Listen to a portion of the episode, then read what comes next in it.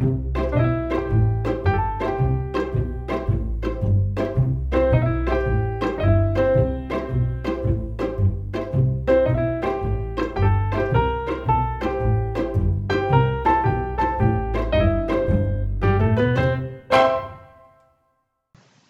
en welkom bij de podcast Michelle's Brain Farts.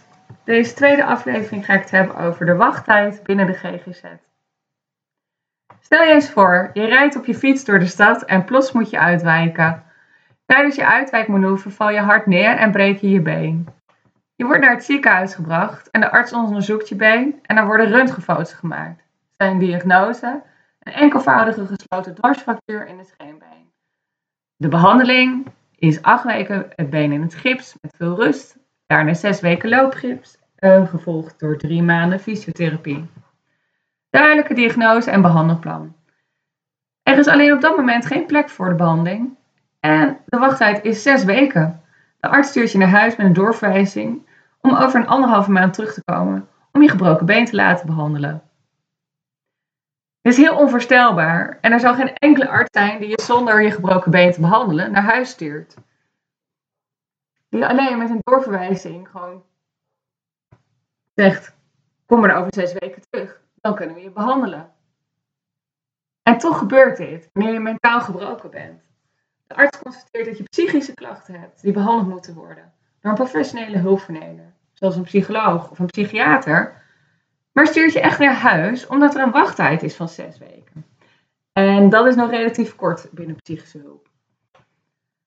Mentaal gebroken, wachttijden van zes weken, zes maanden, een jaar of zelfs langer. Bijna 90.000 mensen die last hebben van psychische klachten staan op deze wachtlijst. En dan als je eindelijk een intakegesprek hebt, waarin dus het behandelplan onder andere wordt besproken, moet je vervolgens weer weken wachten voordat echt de eerste sessie gestart kan worden. Aan het wachten zit een groot risico, namelijk dat je klachten verergeren, dat je nog dieper in de put komt te zitten, dat je nog langer door je eigen persoonlijke hel moet. Dat het zelfs zo erg wordt dat je er nog maar één uitweg ziet. Oké, mentaal gebroken, het is niet zo zichtbaar als het hebben van een gebroken been, maar minstens wel net zo erg als het zelfs niet erg is. Maar waarom wordt een gebroken been dan wel direct behandeld en wanneer je mentaal gebroken bent, niet? Tijdens mijn mentale ontregelingen ben ik zelf op zoek gegaan naar professionele hulp. Daar had ik zo drie redenen voor. Eén, ik wilde en kon echt niet wachten op hulp.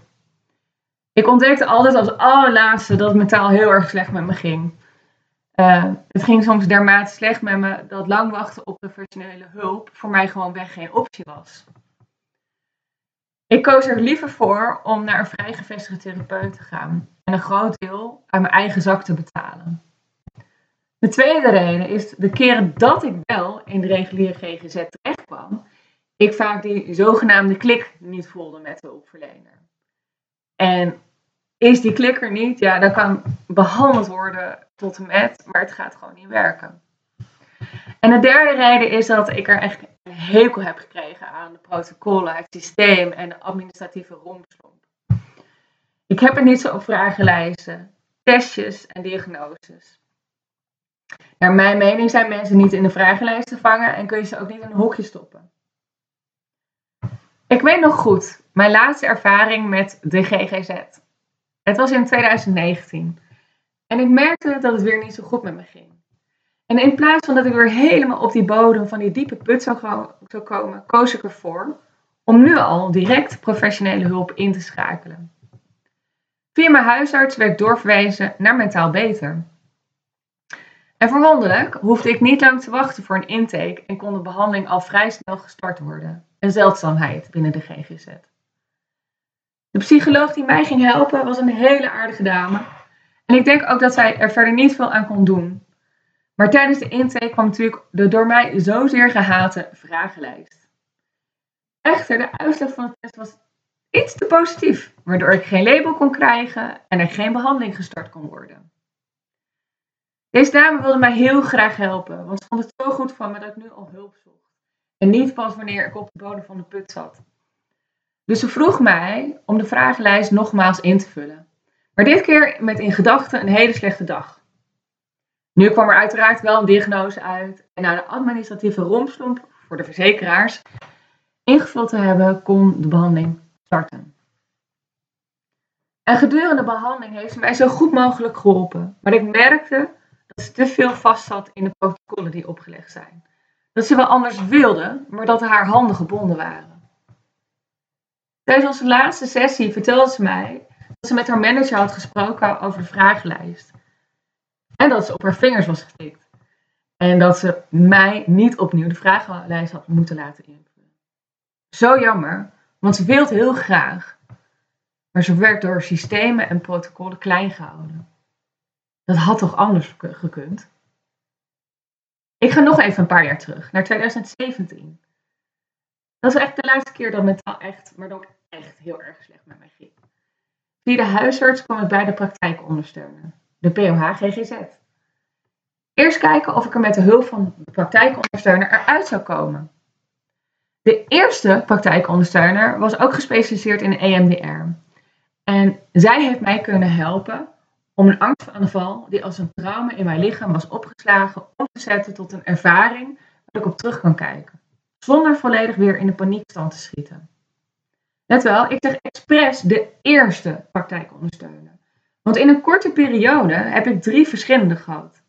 Want haar werkgever, en dat bleek dus niet de huisarts zelf te zijn, had besloten haar te verplaatsen naar een andere huisartspraktijk. Dus na vier of vijf sessies bij deze praktijkondersteuner kwam praktijkondersteuner nummer 2. Na weer mijn verhaal te hebben verteld, legde ze mij uit dat ze mij wel kon doorsturen naar een GGZ-psycholoog, maar dat de wachttijden zo lang waren. Dat het beter was dat ik bij haar onder behandeling bleef. Let wel, ik was uh, dermate depressief en had zo'n last van een angst- en paniekstoornis.